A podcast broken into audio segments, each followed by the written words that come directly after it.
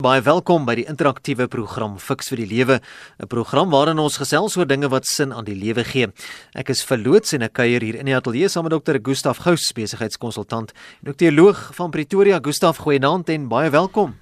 Hallo Phil, in 'n tyd wat baie goeters um, radikaal verander, is dit dalk belangrik om te praat oor hoe hanteer 'n mens dit. Nou onthou dat hierdie program nie aan jou as luisteraar voorskrifte gee van hoe om te lewe nie, maar dit bied riglyne waarbinne jy self keuses maak en RC stem nie noodwendig saam met die opinie van enigiemand wat deelneem aan hierdie program nie. Nou jy hoor so dikwels iemand sê in my dae was dinge baie anders om te beklemtoon dat veranderinge aan die orde van die dag is. Nou vir baie mense is verandering rondom hulle as ook in hulle 'n bedreiging. Hoe goed of sleg is verandering dan en hoe kan ek dit hanteer? Fiks vir die lewe fokus vanaand juis op die onderwerp verandering. Hoe hanteer ek dit? Gustav iemand het eenmaal gesê niks is blywend nie behalwe verandering. Nou hoe goed of sleg is verandering in die samelewing en dalk miskien ook belangrik, hoe nodig is dit? Vol, ek sê altyd, wat is die probleem met verandering? Hoekom vrees mense verandering? Ehm um, dit sal eintlik baie tragies wees. Dit sal eintlik vervelig wees as daar geen verandering is nie. Ek dink byvoorbeeld aan 'n klein babatjie. Daai babatjie is pragtig, maar as daai babatjie 20 jaar nog daar in sy sy sogenaamde baby grow lê en daar so 'n handjies klap en en voetjies skop, dan gaan dit 'n tragiese ding wees. So ek dink mense het het het hierdie ding van die die die verandering moet nou nie daar wees nie en dit is te ongemaklik. Dit het baie te doen met jou geskiedenisbeskouing. Met ander woorde, party mense wat dink dit is 'n lyn wat loop van links na regs van bo na onder. Die verlede was goed, die hede is maar bietjie sleg en die toekoms gaan nou baie slegter wees. Dan's 'n party mense wat dink maar die verlede is um, is, is sleg, die huidige, die hede is goed, maar die toekoms gaan so baie baie fantasties beter wees. Maar daardie sogenaamde vooruitgangs um, siening van verandering um, is nogal deur die sink van die Titanic en deur baie oorloë is hy tot stilstand gebring want mense het gedink tegnologie gaan nou die wêreld soveel beter maak. En dan sou mense wat dink maar ag nee wat daar daar is is nou maar net tussenin daar's die verlede is sleg, die hede is ook nou maar bietjie sleg en en goed en die toekoms is ook maar sleg en goed. Dit is amper soos 'n soos 'n aartappelskyfie krinkelkat bestaan wat 'n mens het. Maar ek dink daar's 'n regtige ding wat 'n mens vir jouself moet besef dat dat um, verandering is nie deel van die lewe nie. Verandering is baie meer radikaal. Verandering is lewe en ehm um, dat verandering is nie net 'n onmisbare ergernis nie, maar dit is iets wat jy daagliks mee moet sit. En as jy nie verander nie, dan moet jy eintlik maar jou pols voel of jy nie dalk dood is nie. Nou waaroral in die lewe vind verandering plaas? Afval uiteraard is dit in die natuur is daar verandering wat plaas, daar seisonale ehm um, um, veranderinge, daar's die lewensiklusse wat verander. Nou, jou liggaam word sterker as jy as jy jonk is dan word hy verander en is al die tipiese groeiveranderinge wat plaasvind en dan word jy ook nou weer ouer teen die einde. Ehm um, natuurlik is daar verhoudingsveranderinge daar. Die hele lewe is 'n gelou sê en 'n gekobaai sêery en is, snaaks dat ons as mense nie lekker gemaklik is met hierdie ding nie. Ons ons sukkel om 'n lou te sê omdat ons nie kan kobaai sê nie. Ehm um, en en daai verandering is dink een van ons grootste Achilleshiel punte in die lewe. En natuurlik is daar die politieke verandering dat daar mense kom wat dan spesifieke politieke beleid verander. Maar is nogal baie interessant dat baie mense dan hulle as slagoffers van hierdie verandering sien. Maar ek wonder baie keer of politieke partye nie besef nie dat um, hulle kan ook uitgestem word. En um, baie keer kan die politieke party die beleid verander en as die mense nie hou van die beleid nie, dan kan hulle die politieke party verander. Ehm um, so verandering kan ook op jou boomerang as as as jy nie jou mense saamvat nie. En ek dink dis wat mense ook moet besef. Ehm um, hulle kan verandering ook bring. Jy's nie onmagtig heeltemal teen verandering nie. Hoekom is mense inherënt bang vir verandering, Gustaf? Wel, dit is baie interessant. Um, ek wonder of of mense nie net baie keer lui is nie. Want um, om te verander vat 'n bietjie moeite. Um, dit is nogal dit is nogal regtig moeite en dit vat werk. En en daarom sit baie keer mense sit dan en hulle hulle wil nie noodwendig verandering nie.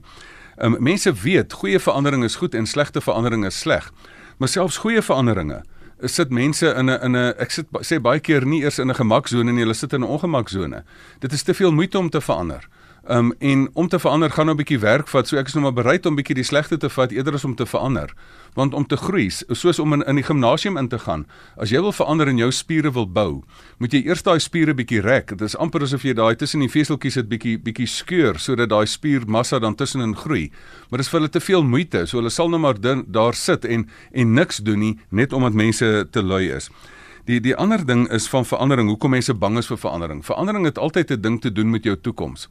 Want mense het 'n geprojekteerde prentjie vir die toekoms en verandering het 'n geneigtheid om daai geprojekteerde prentjie um op te skeur.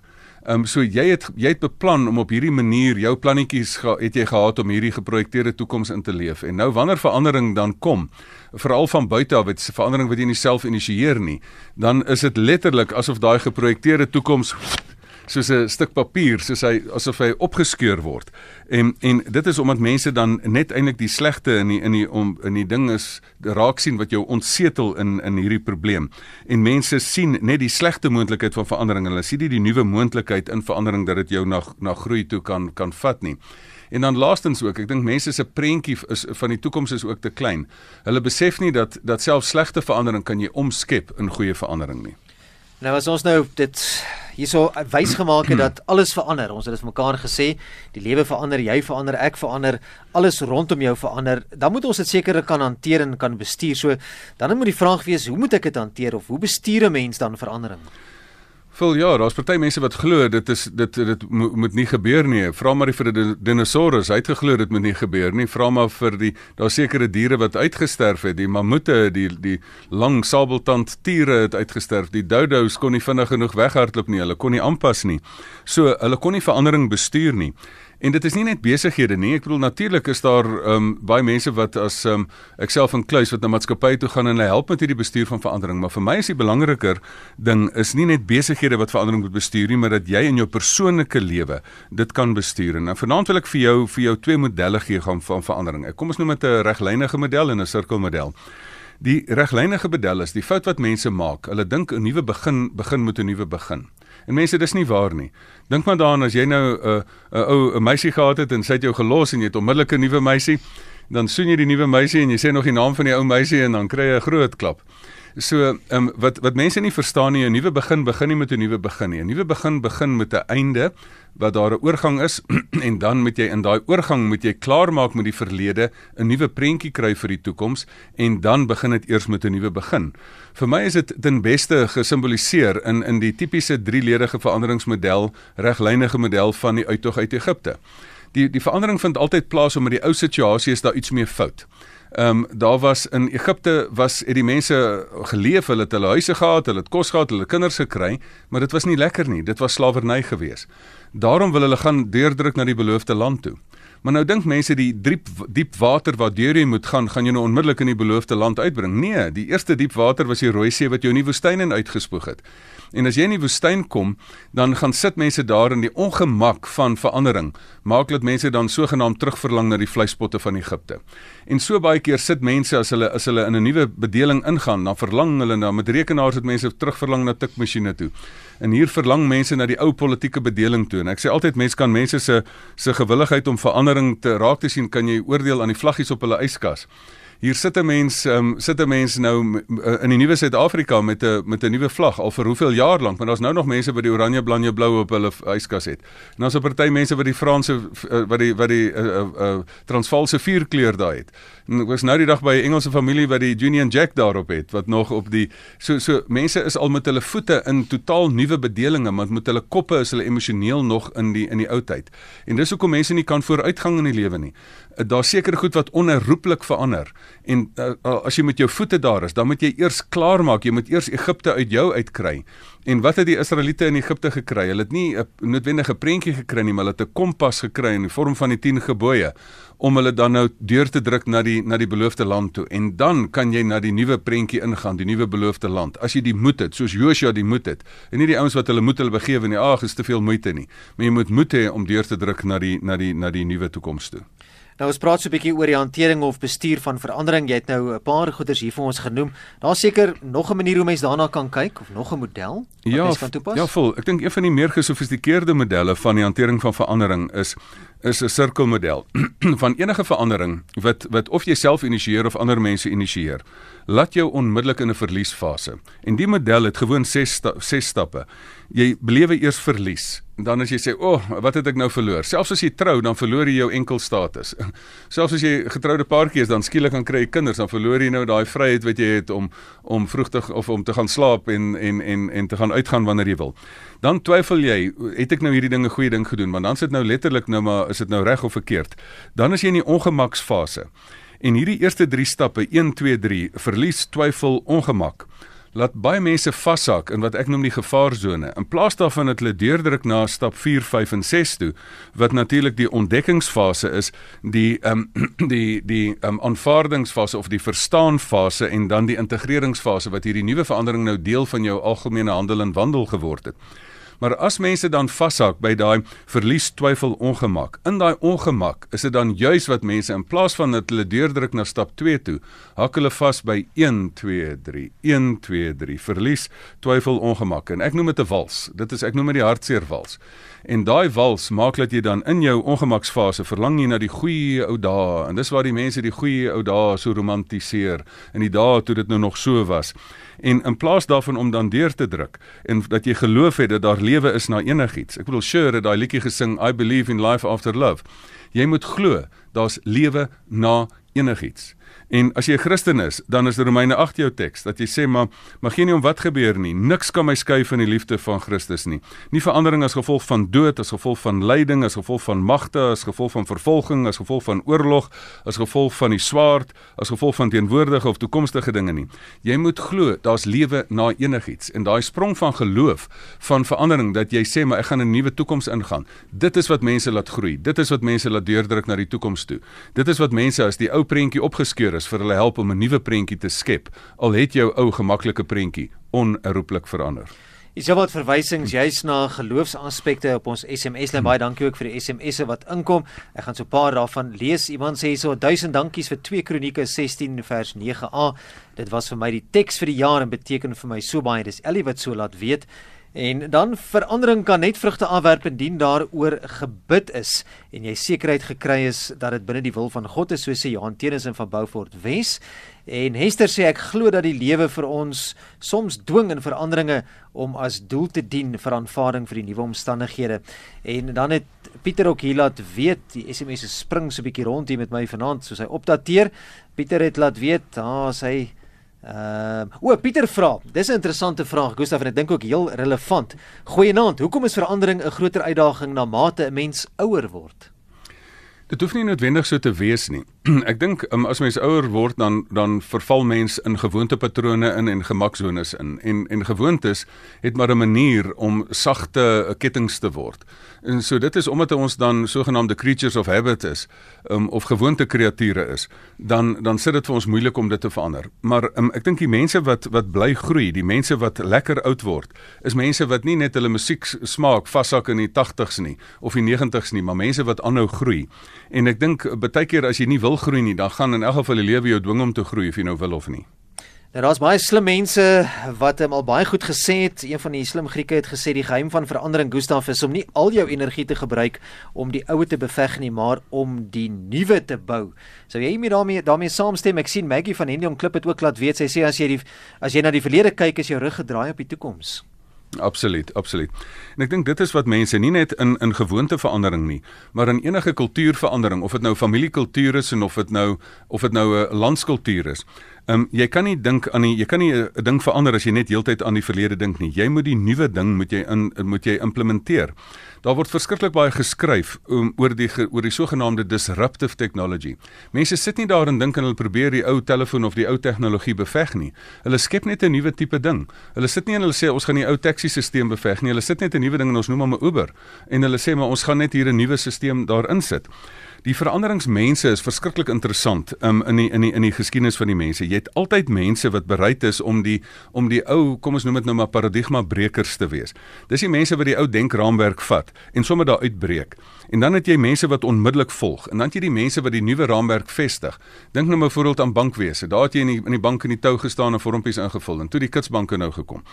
En maar nou het jy nie eers meer 'n kitsbank nodig nie. Hoeveel mense was nou daar? Nou het jy hierdie hierdie internetbanke. Nou het jy dit op jou selfoon, bank in die hand. So dan is daar mense wat nou dit op 'n manier um die tegnologie vestig.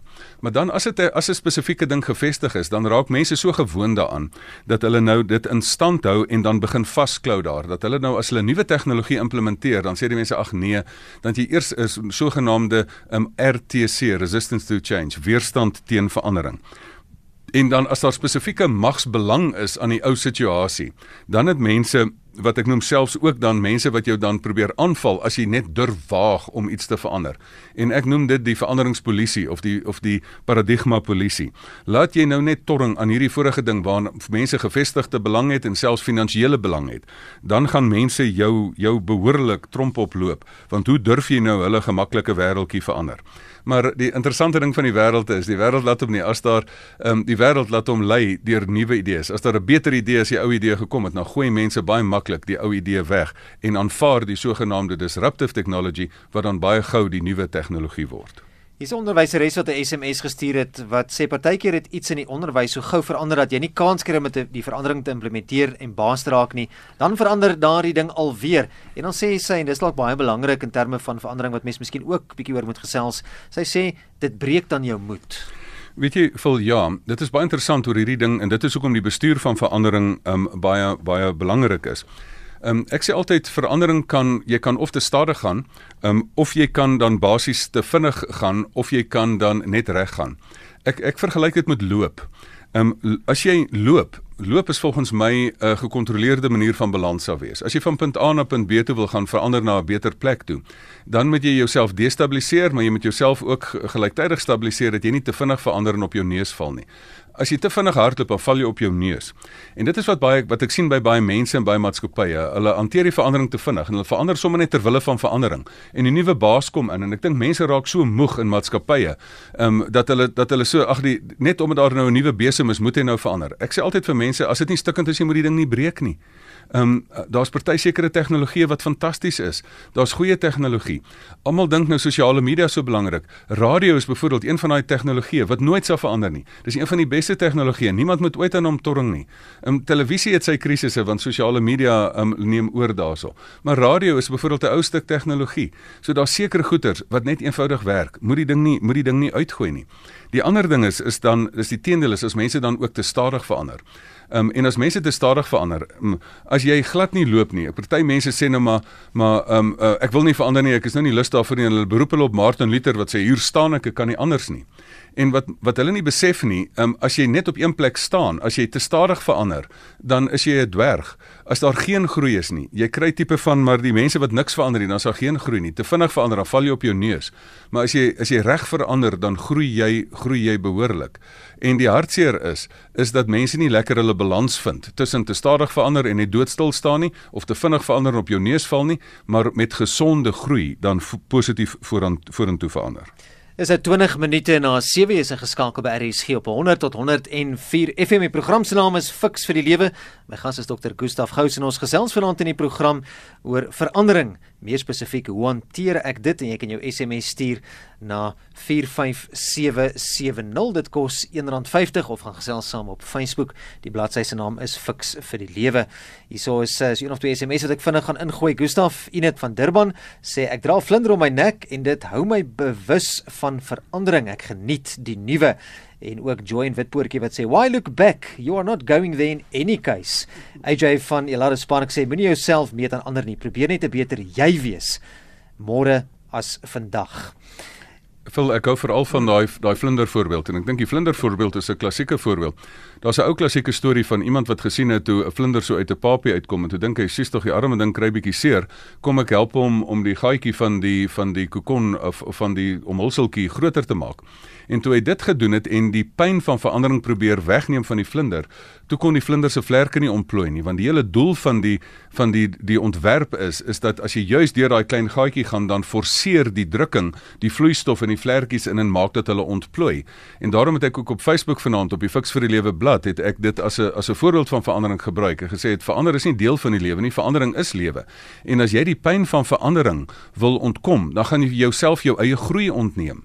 So moenie bang wees vir die pyn van verandering nie, want dit gaan jou bring tot 'n nuwe situasie. Oom Piet het ook laat weet hy is al 80 jaar oud en hy sê soos tye verander is veranderinge noodsaaklik. So ons moet aanvaar en aanpas, moet maar soos die kakkerlak leer om in die yskas en die stoof te oorleef.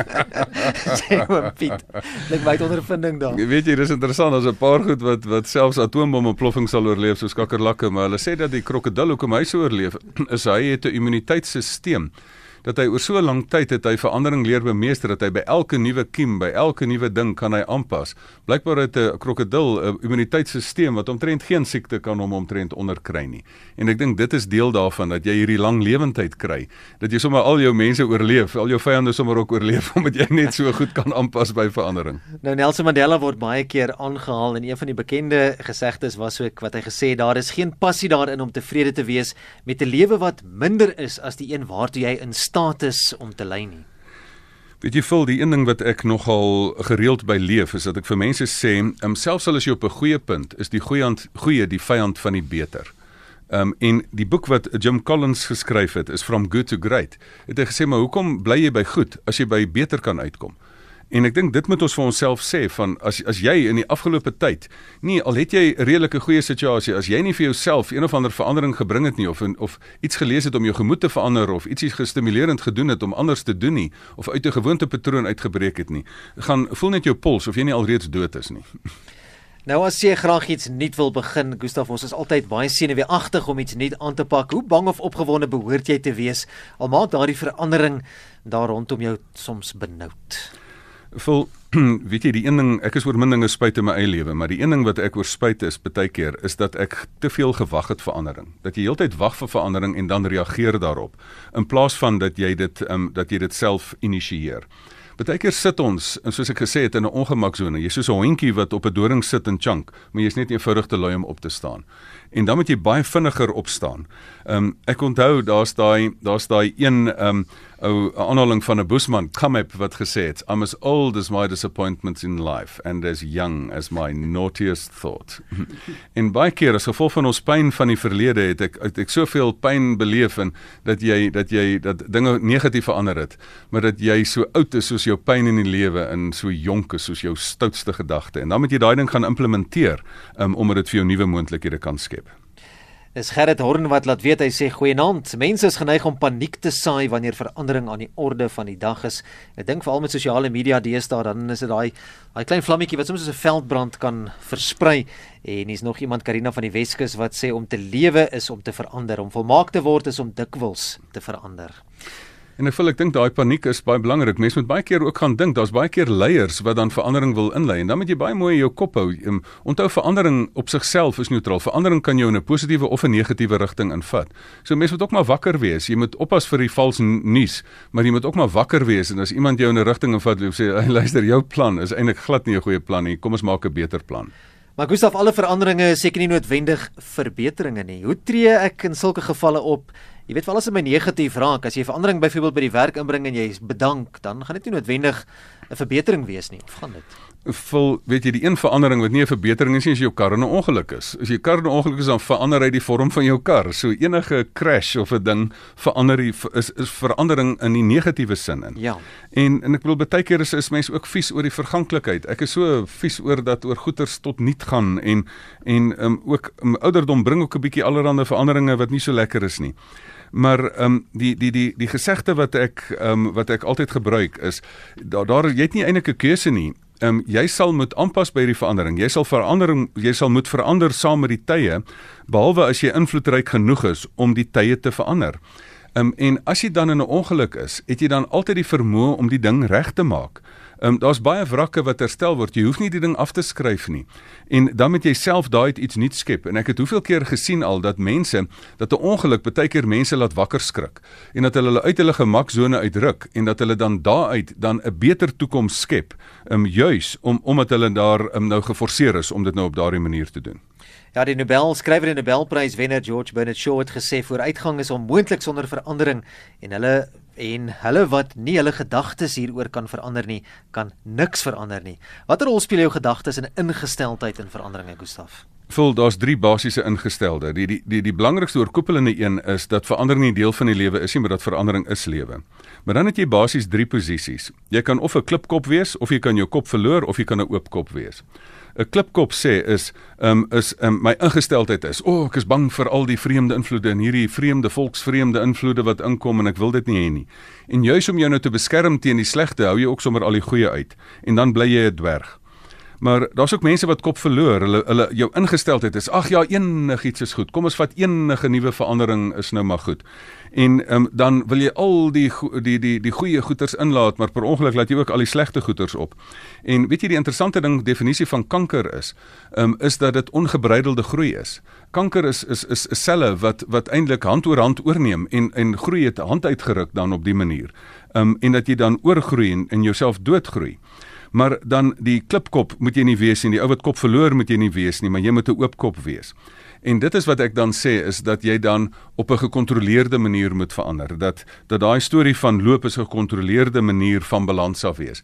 Dat jy moet vir jouself inneem wat wat goed is en dit jou te laat destabiliseer. Um, ek onthou ek het ek het baie keer het ek het ek een keer ges, gesels um, met iemand wat my eie lewensafrigter was, um, ou Profani de Tooi. En en hy het, hy het op 'n stadium gesê maar um, wat is dan um, wat is dan 'n normale persoonlikheid?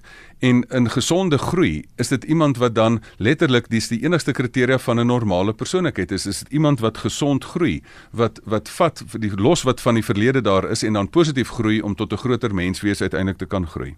Ons het aan die einde gekom van vandag se program Gustaf, kom ons vat saam, hoe moet ek verandering beleef en hanteer? Ag vol die die ou gesegde van ou Reinhold Niebuhr wat wat aan hom toegeskryf word is um, baie mense noem dit 'n serenity prayer is dat 'n mens regtig het dat jy moet vir jouself moet afvra dat jy vir jouself die krag vra om te verander wat jy kan verander. Fokus op wat jy kan verander. Dat jy die moed moet hê om te aanvaar wat jy nie kan verander nie en dat jy die wysheid het om die verskil te ken. En ek wil vir mense net sê in vandag se situasie waar daar reuse politieke verandering is, ehm um, gaan sit en gaan soek die geleentheid in hierdie verandering en gaan skep vir jouself 'n toekoms daar. En as daar veranderings wat in die verkeerde rigting ingaan, mag jy daarteen proteseer um, maar moet nooit die slagoffer wees van verandering nie. Um, as die koue front kom, moenie die koue front weg wegwens nie. Verander deur vir jou trui te gaan aantrek. Dis eene van vanaand se program Fix vir die Lewe. Baie dankie aan almal ook wat van hulle laat hoor het. Die SMS lyn het lekker gegons. Dankie daarvoor. Onthou jy kan verder die gesprek voortsit op Facebook. Die bladsy se naam Fix vir die Lewe. Gustaf as ons luisteraars jou wil kontak. Um e-posadres um gustaf@gustafgous.co.za en gaan kyk ook dan op die Facebook bladsy Fix vir die Lewe. Gaan like hom sommer. Ehm um, dan kry jy die besonderhede daar.